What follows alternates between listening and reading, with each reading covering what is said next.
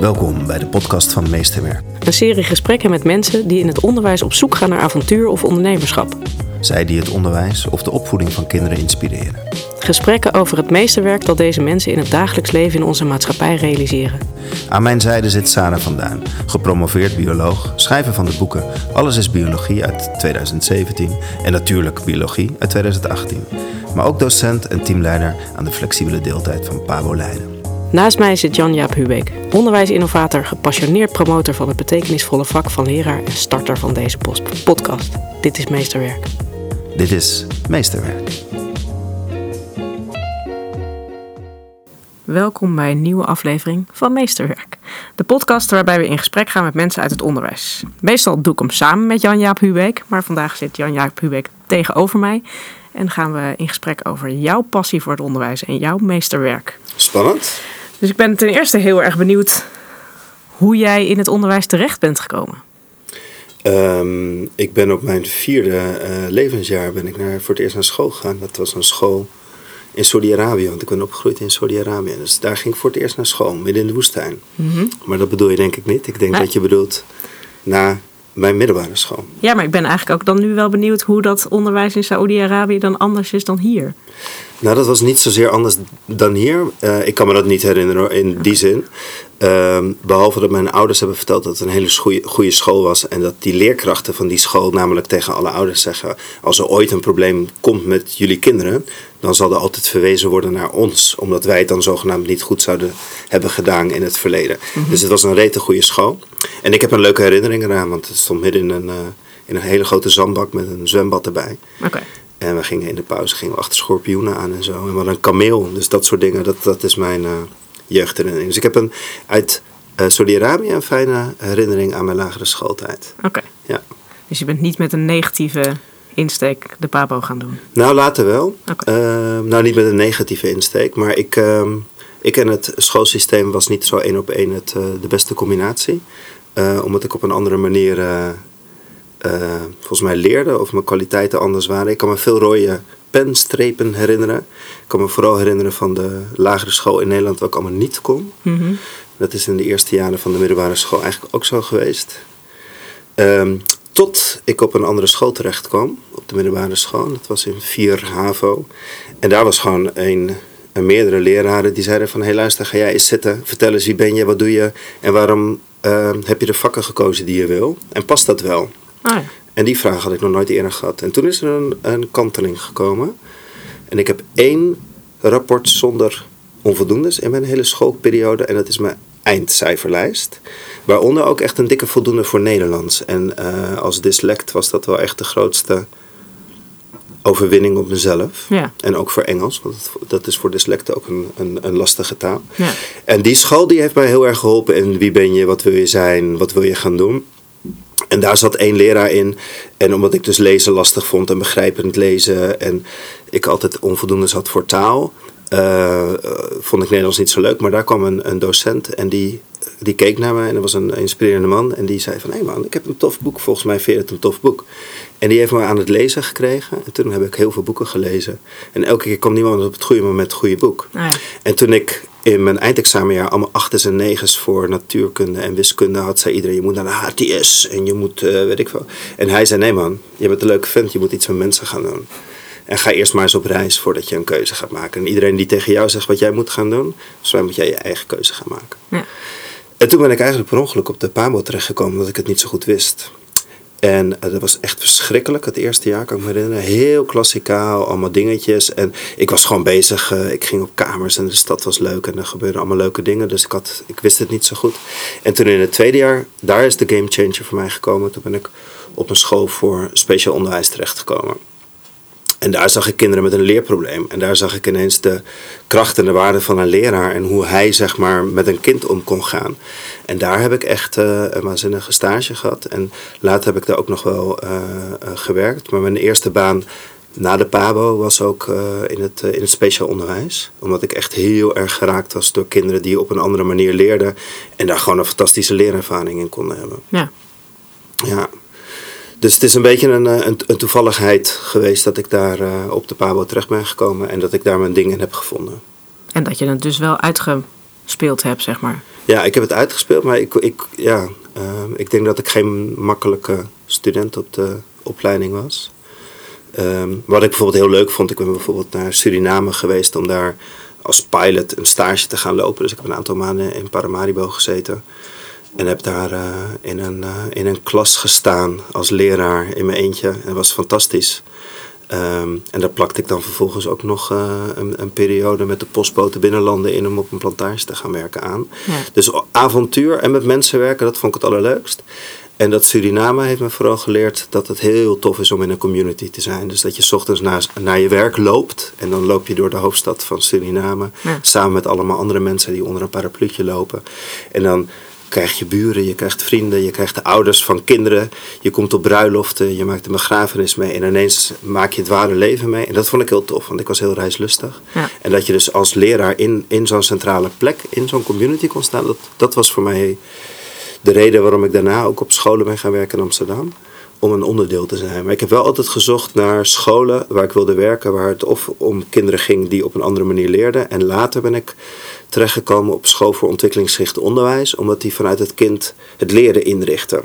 Dus ik had heel veel moeite met de koffiekamer op veel scholen. Ik was heel ongelukkig tussen veel leerkrachten die het allemaal precies wisten. En je moet het zo doen en je moet het zo doen. Want heel eerlijk, ik weet het helemaal niet precies. Nee. Ik doe ook maar wat, heel eerlijk gezegd. Ik kijk naar wat er nodig is, wat er bij de kinderen gebeurt. En als je vanuit daar je onderwijs kan inrichten, wat ik tegenkwam in speciaal onderwijs, omdat ze daar vanuit het kind gaan, vertrekken en wat die wel kan en niet wat niet kan. Maar ook op een ontwikkelingsgericht onderwijsschool. Vond ik dat heel tof en heb op die manier me weggezocht.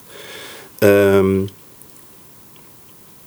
ja, zo, dat, dat waren mijn eerste scholen eigenlijk. En later ben ik ehm, ook nog in het uh, VMBO uh, speciaal onderwijs terechtgekomen. Van 16 tot 20-jarige leerlingen. En dat was echt omdat ik dacht, als ik dit kan, dan kan ik alles. Ja. ja. En hoe heb je dat dan gedaan? Want je moet ze dan inderdaad wel zien te triggeren om iets te willen leren. Met die 16 tot 20-jarigen? Uh, ja, dat waren, dat waren groepen, dus uh, was heel divers. Die, die kwamen veelal uit de jeugdgevangenis. uit die kwamen dan via de reclassering. Hadden zij contracten dat ze naar school moesten. Moesten een aantal dagen stage lopen aan te dragen naar school. En het was een beetje de periode uh, rond 2004, 2007. En dat was de voordat Facebook zeg maar bestond, maar je had al wel sociale netwerken online. Partypeeps was daar een van. En dit waren veel jongens uit multiculturele achtergronden en die wilden heel erg uh, exposure, wie ben ik, laten zien. Ja. We hadden toen nog de Nokia's, die hadden ringtones. Dus ik ben met hun ringtones gaan ontwerpen. Ik ben met hun foto's gaan ontwerpen voor hun cv uiteindelijk. Maar die gooiden ze eerst allemaal online om te laten zien wie ze allemaal waren. Dus ik ben heel erg van geluid en beeld met, met hen aan de slag gegaan. En ineens kwamen ze naar de lessen toe en ineens waren ze op school. Um, en dat was eigenlijk het hoogst haalbare, dat ze zich enigszins aan die afspraken hielden. Het was op een, um, uh, een, uh, een, een, grote organisatie in, in Amsterdam die gewoon helemaal niet goed georganiseerd was. Het was best wel een, een, grote chaos.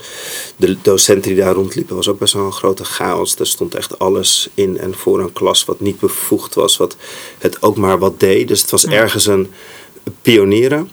Uh, en dat, dat sprak me aan, maar twee jaar later had ik had wel wat hogere ambities dan alleen maar tijd doorbrengen. Want het had wel een hoge mate van tijd doorbrengen. Ja. En er zat iets droevigs in dat veel van die leerlingen gewoon weer door de draaideur terug de, de, gevangenis gingen. Het was toen een periode dat er veel bolletjes slikkers waren vanuit uh, verschillende delen uit de wereld. En zij werden vaak gelokt om dan mee te gaan. En dan waren zij de, de, uh, de afleiders van de echte bolletjeslikkers. Dus ze hadden een paar bolletjes en dan werden zij bij de douane gepakt. En dan gingen de echte bolletjeslikker er doorheen. Ja. En dat was eigenlijk heel triest. Ja. En dat, dat werd gevoed door de ambitie: ik wil ook een laptop, ik wil ook een BMW. En ik weet dat ik er met school niet ga komen. En ik weet dat ik in het, met een baantje vinden bij de Albert Heijn er ook niet gaat komen. Dus ik ga maar de, uh, op die manier de, criminaliteit in. En dat is ergens iets droevigs. Maar ik vond het wel heel tof, want uh, mooi compliment toen ik daar wegging, zijn ze gaan protesteren dat ik niet weg mocht gaan. Dus dat was wel, op zich denk ik dat ik er mooie tijd heb gedaan en gedaan wat ik kon. Maar het was heel beperkt in, uh, in je toegevoegde waarde. Ja. misschien Maar ik wel- vond het wel, de, dat is de, de link naar de, naar de leraaropleiding volgens mij. Omdat de, het ICT-stuk, het middel was om met hun in contact te treden en hun te helpen in de buitenwereld. Ja, En, de- en toen ben ik naar de PAMO gegaan in de zin van, hey, moet er niet meer met ICT gebeuren in het onderwijs? ja, Ehm, en kan je het niet meer als middel op inzetten om eh, het onderwijs vorm te geven en het onderwijs te ontwerpen. En zo ben ik in eerste instantie ook als ICT'er op, eh, of ICT, moderne media heette dat, als moderne media docent op de hogeschool terechtgekomen. oké. Toen was dat is, hoe lang geleden? Nou, nu twaalf jaar geleden. Ja. Toen was het nog wel redelijk nieuw. Ja, het was nieuw en ik was op dat moment werkte ik voor het blad Samsam en heb ik eh, iets van vijf, zes jaar besteed. Want ik, ik werkte vaak twee of tweeënhalf dag, soms drie dagen op een school. En daarnaast was ik ZZP'er en heb alle wereldgodsdiensten interactief vertaald voor kinderen. En Samsam was een blad van ontwikkelingssamenwerking. Die deed veel uitwisseling. En er kwam een hele grote community van, van basisschoolleerlingen... die dan veel over een ontwikkelingsland wilden weten. En er kwam bijna altijd een vraagstuk over de religie. En toen heb ik voor hun alle wereldgodsdiensten... van animisme tot islam en eh, jodendom, eh voodoo... allemaal uitgelegd, interactief. Dat was toen eh, Flash heette dat. Dat bestaat ondertussen niet meer. Maar dat was een, eh, een, een, een web, website-applicatie... waarin je heel veel interactief kon laten gebeuren. Dus je kon echt een tempel in, in die tempel allerlei dingen ontdekken. En dat, ehm, die grote wereldgodsdiensten uitleggen aan kinderen op een interactieve manier waar ze informatie konden halen. Daar heb ik heel veel tijd aan besteed naast lesgeven. Dus ik was altijd wel bezig met die techniek en het, het vertellen van een verhaal. Ja. Maar het moest wel inhoud hebben. En het moest niet het doel op zich zijn. Nee. Dat is de, de, de reden dat ik toen twaalf jaar geleden aan de hogeschool Leiden kwam solliciteren. Als docent moderne media. Ook voor twee dagen in de week. Ja. Was dat in die tijd niet een beetje trek aan een dood paard? Ehm, nou, dat was een enorme ambitie, want iedereen zag wel om je heen dat, dat je er van alles mee kon. Maar wat kan je er dan mee? Hoe richt, richt je dat in? De eerste digitale schoolborden werden toen geïntroduceerd. Ja. Eh, nou, wat doe je dan vervolgens als leerkracht daarmee? En het, het was in die zin niet zozeer trek aan een dood paard, als wel dat er enorme ambitie was van veel leerkrachten om dat te gebruiken. Maar de handelingsverlegenheid was er. En die zie je misschien nog steeds wel. Ja. Ehm, bij bij eh, studenten, bij scholen. ehm, en het moet wel echt een middel blijven. Ja. Nou ja, vandaar zijn we toen het, het curriculum anders gaan inrichten. Dat het vanaf dag één een onderdeel was. En het hebben we doorgetrokken eh, tot en met een minor moderne media bijvoorbeeld. En een nascholing moderne media. En nu hebben we zelfs een masteropleiding transitie in het onderwijs met behulp van technologie. Ja. Waarin je nog steeds ziet dat het een plek heeft. Dus ehm, het is ontzettend nodig en technologie kan het, de transitie in het onderwijs enorm versnellen. Maar er is ook een enorme eh, verlegenheid. Hoe doe je dat? En, Ja. en het moet dienstbaar zijn. Want ik weet nog wel uit die periode dat die digitale borden het dan bijvoorbeeld niet deden. Nou, niks zo dodelijk als dat het niet doet. Ja. En dat is een beetje, ik ben eigenlijk heel erg van die techniek af, afgegaan. De techniek moet behulpzaam zijn en niet het doel op zich. Nee. Ja. Maar het, het maakt het wel eh, diverser, zeg maar. Want ik kan me voorstellen dat je inderdaad, als je allemaal kinderen ziet met verschillende leerbehoeften en verschillende manieren van leren, Mhm. in het speciaal onderwijs, en dan is het natuurlijk wel weer een mooie. ja, fantastisch. Maar dan inderdaad als middel en dat Ja, je op ja. verschillende manieren. Nou, dat is wel een grappige vraag, want we, hebben toen in de periode gehad, Maurice de Hond, die ging toen een, eh, een, eh, een iPad-school of een Steve Jobs school starten. Ja, Toen hebben we heel erg eh, gesprekken gevoerd. Dan moeten wij daar dan leraren voor opleiden. En ehm, op welke manier gaan we dat dan doen? En toen hebben we een aantal van die scholen bezocht.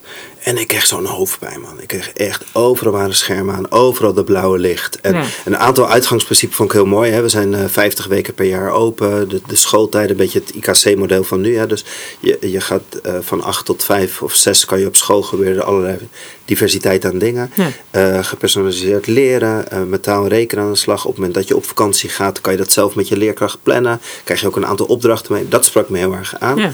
Ik vond het alleen enorm doorgeschoten in ehm, dat, dat die iPad echt wel het, het centrale deel werd en niet zozeer het kind. ja, Ehm dan chargeer ik ongetwijfeld en doe ik ongetwijfeld die, die, die beweging tekort. Maar dat was wat, ik, wat, wat me in essentie daar eigenlijk heel erg eh, vandaan hield. Ehm, en wij hebben toen wel een klas gestart, een, een eerstejaarsgroep. En die hebben allemaal een iPad gekregen en hebben het onderwijs omgedraaid. Door te zeggen, nou wij gaan niet bepalen wat jullie moeten doen. Jullie krijgen maar een iPad en we gaan het dan vervolgens zelf ehm, doen. En we gaan jullie helpen faciliteren erin. En dat hebben we na een jaar gestopt, omdat dat, dat was een, een stap te groot. Dus ehm, daar hadden we tussenstappen in moeten doen. Dus dat was echt een, een brug te ver. Er kwam wel een enorme diversiteit aan andere mensen op af. Die echt zoiets hadden, oh wauw, het onderwijs. En we gaan het zo vormgeven. Dat was wel heel leuk. Ja. Maar het was vrij lastig omdat ze van een middelbare school kwamen en nog best wel uit een systeem kwamen. En dat er nog weinig scholen zo werken. Dus er kwamen veel op scholen waar dan weer wel een systeem was. En dan kwamen zij aan, ja, we gaan het zelf ontwerpen. Nou, dat botste. Ja. En er waren een aantal goede scholen met wie we nog steeds samenwerken, die dat eh, wel hebben. En daar is het bijvoorbeeld wel goed gegaan, maar dat als stroom was toen te vroeg. En we hebben een aantal van die leerprocessen denk ik wel meegenomen om later dan een flexibele deeltijd in te richten. Ja. Eh, en eigenlijk op die manier het onderwijs proberen om te draaien. Maar ik weet nog wel, dat waren van die experimenten die waren heel tof. Eh, maar het, het, het ook wel een beetje teleurstellend dat het nog niet lukt. Het brengt je uiteindelijk wel verder. Ja. Maar we hadden eigenlijk wel gehoopt dat het eh, al meteen een kanteling teweeg zou brengen. Ja. Dus de, de tradities in het onderwijs zijn ook nog wel diep geworteld. Dus het, het valt nog niet mee om dat zomaar te veranderen. Nee. Heb ik geleerd. Ja, en dat is natuurlijk een van jouw speerpunten. Om eh, eh, gewoon door middel van trial and error kijken wat wel en wat niet werkt. En volgens mij zijn jouw speerpunten dan persoonsvorming en meer meesters voor de klas. En Ja, meer meesters.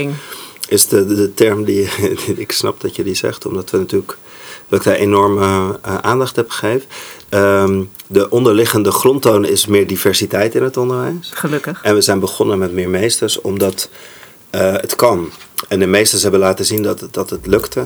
Ja. Eh, eh, toen ik hier kwam hadden we nog geen 10% mannen in de opleiding. Maar ook heel weinig VWO'ers. En met de academische PABO zijn we, hebben we een enorme aantrekkingskracht op VWO'ers. Ja. Eh, goed personeel bijgezocht. En bij, ehm, eh, wij hadden een aantal jaren geleden een kamp, een eerstejaarskamp. En hadden we veel jongens. En die gingen, eh, we gooiden een bal het, het basketbalveld op en ze gingen voetballen. Ik ook trouwens, de, de mannelijke docenten van de PABO. We stonden allemaal te voetballen. En toen, toen riep er iemand die zei, we moeten gewoon eigenlijk elke ochtend even een half uurtje voetballen. Want dat is leuk. Want dan, Ja. vinden- dan komen we in ieder geval komen de jongens naar school en dan blijven ze. En daar hebben we een sportroute van gemaakt. En wat ik gedaan heb, daar komt jouw zin meer meesters vandaan, is die mannen een podium geven. Ja. Dus ehm, veel gefotografeerd op open dagen, veel mannen laten zien. We hebben toen mannen uit het werkveld aangetrokken die op onze open dagen kwamen, overal mannen laten zien. En uitgestraald Leiden is een opleiding waar mannen welkom zijn. Ja. Wat geresulteerd heeft dat er dit jaar 40% mannelijke instroom in onze voltijdopleiding is. Dus het kan, je kan het kantelen. Ehm, en ehm, ja, we hebben slim marketing technieken toegepast om die mannen te bereiken, die mannen plek te geven, maar in de opleiding gezocht naar een jongen bij een man laten stage lopen. Ja. Maar het is niet zozeer dat, dat dat een van mijn speerpunten is alleen meer mannen. Het gaat om meer diversiteit. Ja. Ik zou ook wel graag willen dat er meer eh, kleuren en geuren door, door de opleiding lopen. Veel meer achtergronden die de, die de samenleving eh, weerspiegelen. Ehm, nou ja, en je moet ergens beginnen. En we zijn bij mannen begonnen en dat is goed gegaan. En nu, wat je nu ziet bij de flexibele deeltijd, is dat je daar een groep tussen de 30 en de 50 weet aan te trekken, die zeg maar, het onderwijs als tweede keus kiest. Ja. Dus het is ontzettend. eh, je kan nieuwe doelgroepen naar het onderwijs trekken. Je moet ze een perspectief bieden en je moet ze een, een route geven die bij hen past. En dat is denk ik misschien meer een speerpunt, als ik het eh, even eh, voor mezelf mag zeggen omdat ik heel erg geloof dat mensen heel graag een betekenisvolle baan willen hebben. Dat is het onderwijs. Maar dan wil je ook een opleiding doen die inspirerend is, die Ja. daarbij past. En niet allemaal door hetzelfde hoepeltje heen. En dat was tien jaar geleden de gemiddelde, nou nog steeds zijn veel paben zo ingericht dat je allemaal door hetzelfde hoepeltje heen gaat. Ja. Ook bij ons zijn er standaard hoepeltjes. Helaas moet ik zeggen, want dat mag nog wel eens wat opener. Ehm, maar we hebben ook andere hoepels opgehangen waar je een andere route mee kan vormen. En daar geloof ik heel erg in. Dus ik zou eigenlijk nog wel veel meer willen loslaten en veel meer de routes willen laten bepalen door waar kom je vandaan, wat is je vooropleiding, wat is je voorgeschiedenis, waar ben je goed in, waar wil je beter in worden. Dan alleen de man voor de klas. Maar als antwoord op jouw vraag. Maar de, ehm, die diversiteit aan opleidingsroutes, dat is zeg maar eh, eh, waar ik voor sta. En dan moet je nog steeds een pad inrichten die Ja. ze kunnen bewandelen. En daar kan je ze naartoe trekken. De grote uitdaging daarbij is dat je dan ook scholen moet hebben die daar de plek en de ruimte aan geven. Dus je kan mannen trekken, je kan mannen in de opleiding behouden. Eh, de grote uitdaging is weet het onderwijs te behouden. Kan tot het onderwijs mee. Ja, en dat geldt voor, voor mensen, want dat is met deeltijdstudenten natuurlijk ook zo. Ja, Want een van jouw quotes was, en volgens mij roep je dan ook gewoon vaak iets om maar een gesprek eh, op te starten. Eh, meesters willen op een toffe school werken. mhm, Juffen ook hoor, kan ik je vertellen. ja. Zo Maar- eindigt het artikel ook. Hè? Ja, precies. Ja, ja. Maar het is altijd fijn om een quote eruit te halen. Ja. Maar, eh, ehm, want dat is het inderdaad. Hè. Ja, nou, ik als was wij ze afleveren, Ja. dan moeten Ik ze was ook van de week op een school ehm, en ook mijn podcast op te nemen. Eh, een school die, eh, ik wou het ontwikkelingsgericht onderwijs eh, belichten. En ik had met iemand een afspraak en die zei, nou, ik neem je mee door de school. En toen halverwege, en dat ontwikkelingsgericht onderwijs, ik weet niet of je het kent, maar is helemaal ingericht vanuit projecten, vanuit thema's, vanuit de, de naaste zone van de ontwikkeling van kinderen. Wa- Waar ben je mee bezig en dan ga je daarop aansluiten. Dus... ehm, het is nu winter, maar het is, buiten schijnt de zon. Dus je gaat nu niet iets met sneeuw doen, maar je gaat waarschijnlijk hele andere dingen doen. Omdat, het een heel, omdat de buitenwereld iets anders vraagt dan. Nou, ehm, toen vroeg ik haar, wat voor mensen werken hier? Een enorme afspiegeling van eh, de wijk, de buurt, Amsterdam-Oost in dit geval. Ehm, en hoe komt dat nou? Is omdat er een ander type leerkracht daar wordt gevraagd. Namelijk die naar kinderen kijkt, die naar de omgeving kijkt. Eh, diversiteit wordt omarmd. Er werken gewoon heel veel mannen op die school. Er werken eh, mensen met Surinaamse achtergronden, met Marokkaanse of Turkse achtergronden in een, in een, in een verleden. Ehm, het loopt er allemaal rond. En ze zijn allemaal bezig met die community van die school. Dus de- daar zie ik echt iets anders gebeuren dan eh, tussen quotes een school waar weinig nagedacht wordt over visie. Hoe Ja. kijken we naar kinderen? Daar voelt die diversiteit zich veel minder in thuis. Ja. Dus, en dat is eh, waarom ik oproep van, nou, en wij weten als leider heel veel diversiteit wel aan te trekken. Ehm, het is ook aan die scholen om, om eh, te beseffen dat ze in 2019 zijn. Ja. Dus mijn appel zit heel erg over, denk eens na, waar sta je voor? Ik ben betrokken bij een school in, in eh, Amsterdam-Noord. Die hebben een hele nieuwe onderwijsvisie. Daar, de, ehm, daar willen mensen werken, daar willen kinderen naartoe. De scholen daaromheen, ehm die stonden niet allemaal te juichen in het begin. Die hadden er nog wel eens eh, misschien wel moeite mee. Terwijl ik hoop dat die scholen ook het kijken van... hé, wat gebeurt daar? En wat zijn zij daar mee bezig? Ja. En dat je daarvan van elkaar kan leren. Een beetje een gezonde competitie is volgens mij wel goed. Maar je kan elkaar echt, echt sterker maken. In plaats van dat wij allemaal gaan roepen hoe het voor iedereen moet. Ja. Dat is toch een beetje mijn weerzin tegen het onderwijs. Wellicht in het voortgezet onderwijs nog wat dogmatischer dan in het eh, basisonderwijs. Het- ik denk dat een, veel basisscholen zien er niet meer zo uit als 100 jaar geleden. Nee. Toch ook nog wel. Ehm, middelbare scholen, ik was laatst op mijn eigen oude middelbare school en er is gewoon niks veranderd. Dus daar zit het nog vaster. Maar Ja. in het basisonderwijs ben ik ook nog wel verbaasd over de, de kracht van de traditie. We doen het al, al zo lang. Ja. Is zo'n uitspraak, hè, we hebben het altijd zo gedaan. Vind ik dodelijk. Nou, ik wil daar niet rondlopen. Nee. En de andere is, ja, je mag niet experimenteren met kinderen. Vind ik ook echt een dodelijke opmerking. Je moet juist experimenteren met kinderen volgens mij. Je moet ze begeleiden. Nee, je moet luisteren naar ze. En dan, eh, Ja. ja. Ja, Maar dat hangt natuurlijk van de term af die je gebruikt. Ja, ja. En op scholen waar dat gebeurt, zie ik gewoon een, hey, iets heel anders gebeuren. Er willen mensen werken. Ja. Hebben, het woord leraar tekort komt daar niet voor. Wat ze wel zeggen is, als er iemand ziek is, kan ik geen vervanging vinden. Dus kwantitatief lopen ze wel tegen iets aan. Ja. Maar zij willen gewoon eigenlijk heel anders opgeleide leerkrachten. Ja. Eh, nou, ik vind dat PABO's daar moeten voldoen. En Ja. die zoekt, zoektocht heb ik de laatste tien jaar als manager aan de PABO gedaan. Om dat mogelijk te maken. ja, en ik had natuurlijk gehoopt dat het in anderhalf jaar klaar was. Ja. En eh, tien jaar later eh, een stap gezet, maar nog niet eh, waar we wezen moeten. Het kan nog veel verder, Ja. wat mij betreft. Ja, ik, ik denk wel dat het juist het lerarentekort en die vergrijzing, dat dat het toegankelijker maakt. Want als je met twee mannen of met twee mensen met een, met een ander idee in een team komt, is het makkelijker om iets te veranderen dan wanneer je in je eentje in een team komt. Ook. Maar de, de urgentie is nu zo groot dat heel veel scholen zijn aan het nadenken over: hey, wat doen we eigenlijk? Kunnen we niet anders organiseren? Ja. Ik was betrokken bij de, het lerarentekort in Amsterdam. Hè. De wethouder had een denktank ingericht. Daar kwam ook meteen van: ja, maar waarom geven wij van alle landen om ons heen het meeste uren onderwijs? Ja. En waar besteden we het dan aan? En moet dat allemaal de leerkracht zijn? Ik ben een enorme voorstander van, van hybride leerkrachten. Ja. Ik weet dat heel veel scholen het ontzettend eng vinden. Want wie is er dan verantwoordelijk? Hè? Dat is dan de eerste vraag. Ik denk, draai het even om. Hoe goed is het voor een kind dat ze gewoon hartstikke gave dramalessen krijgen van iemand die, die, die weet hoe het met een theater werkt? Ja. In plaats van weer dezelfde leerkracht die alles zelf moet kunnen. Dus op het moment dat een school beweegt, doordat er nu nou ja, het onderwijs beweegt dat er nu een tekort is. Ja. En ze gaan op zoek naar andere organisatiestructuren. Komt er automatisch ook een andere cultuur. En dan wordt het ineens ontzettend uitdagend om daar Ja. te gaan werken.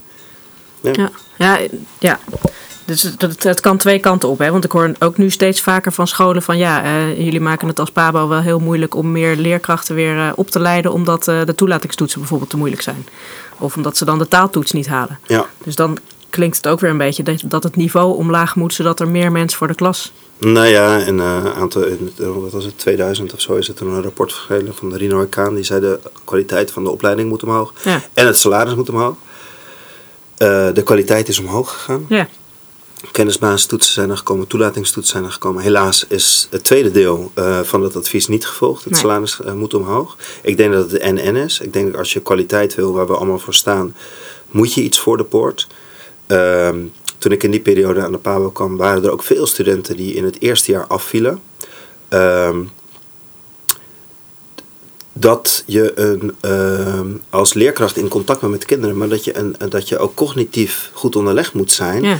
dat, is, dat is wel eh, iets wat belangrijk is. Want je hebt kinderen in een klas en je bent op zoveel schaakborden tegelijkertijd aan het schaken. ja, Dat het heel belangrijk is dat je ehm hoofd van bijzaken moet kunnen onderscheiden, of een goede vraag moet kunnen stellen, of een analytisch vermogen hebt. Dus dat we iets aan hun taalvermogen vragen en rekenvermogen, eh, vind ik alleen maar ehm, vind ik belangrijk. Dat er allemaal extra hobbels zijn voor de poort om überhaupt toegelaten. Daar kun je afvragen van of dat nou een goede is. Het is nu bij wet geregeld, dus ik denk dat je het dan zo goed mogelijk moet inrichten voor de studenten die het willen.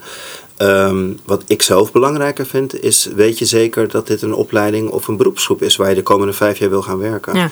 Want je gaat op een school werken en het is niet zomaar dat je iets leuks met kinderen gaat doen. nee.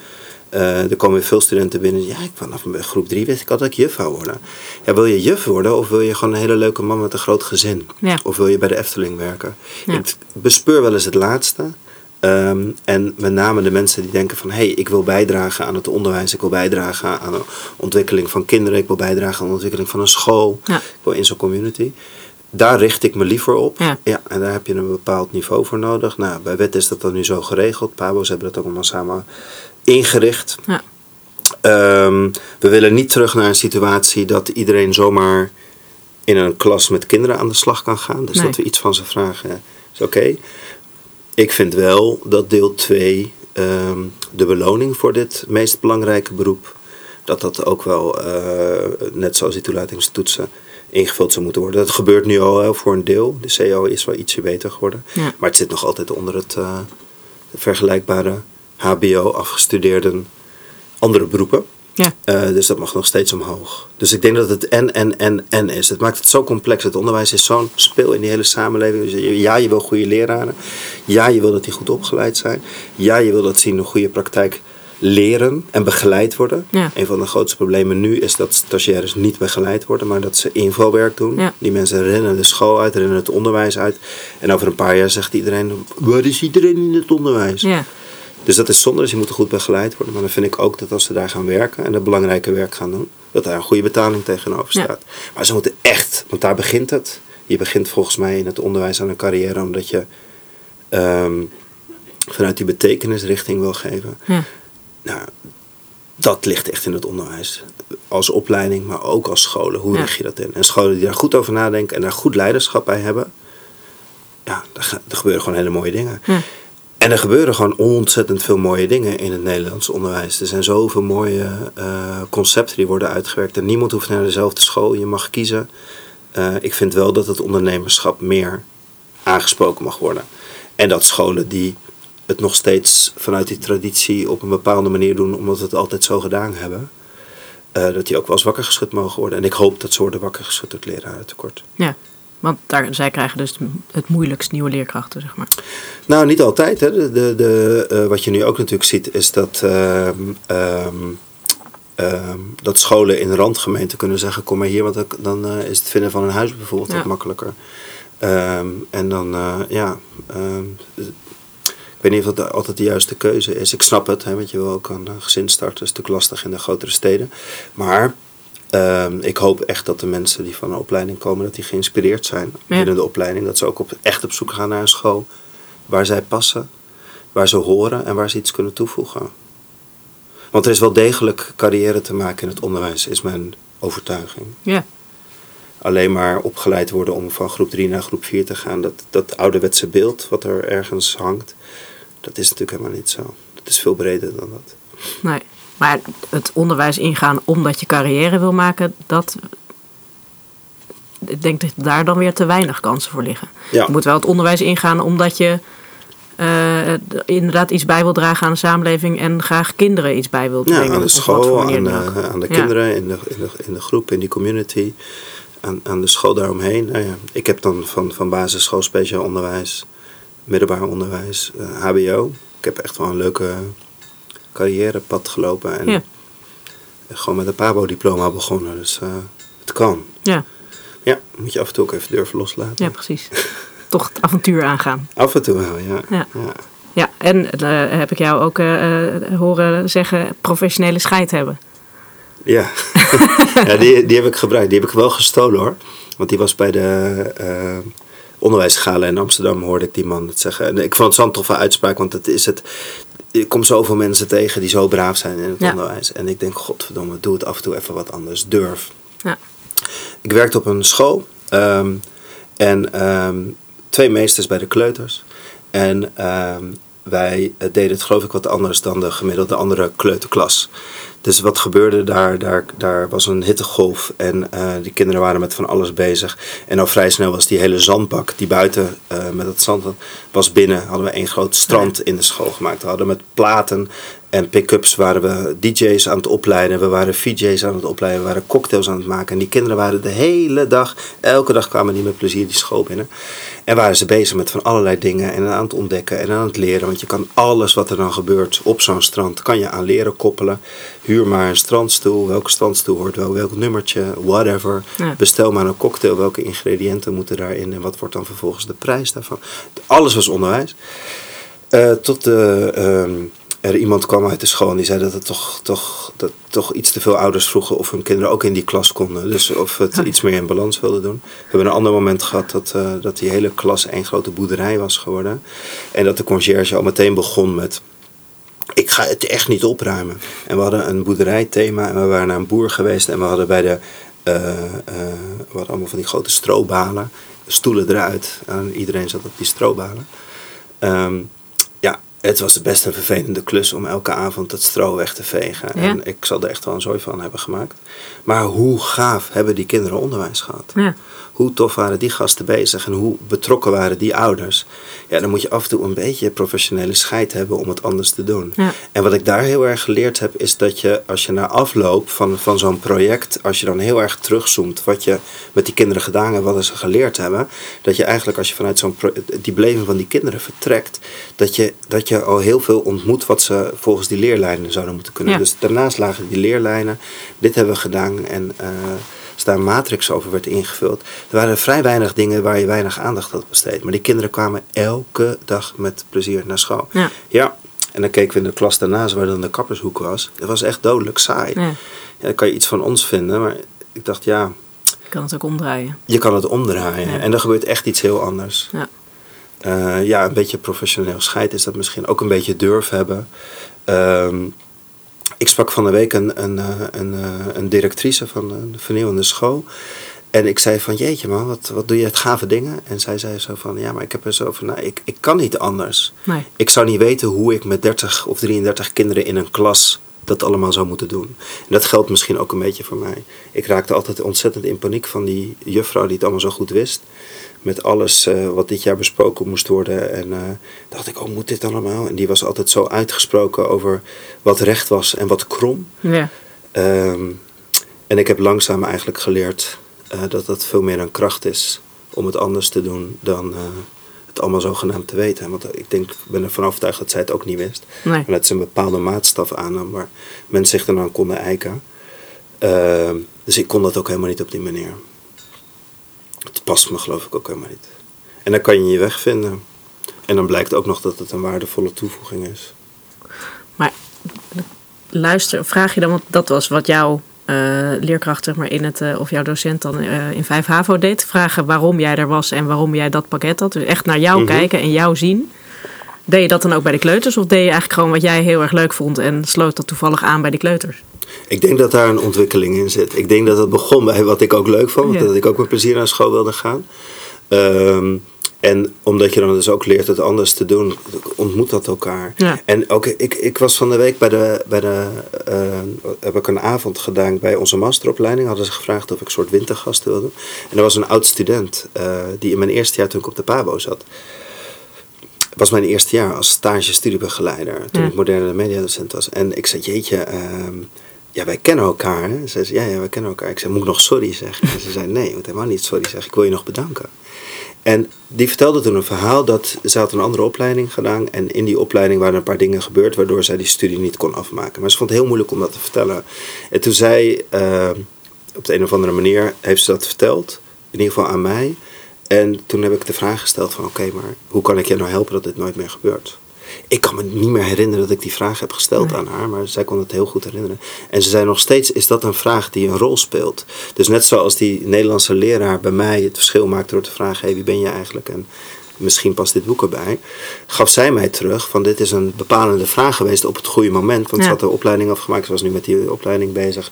En ehm, ze zei dat is nog steeds een vraag waar ik aan terugdenk.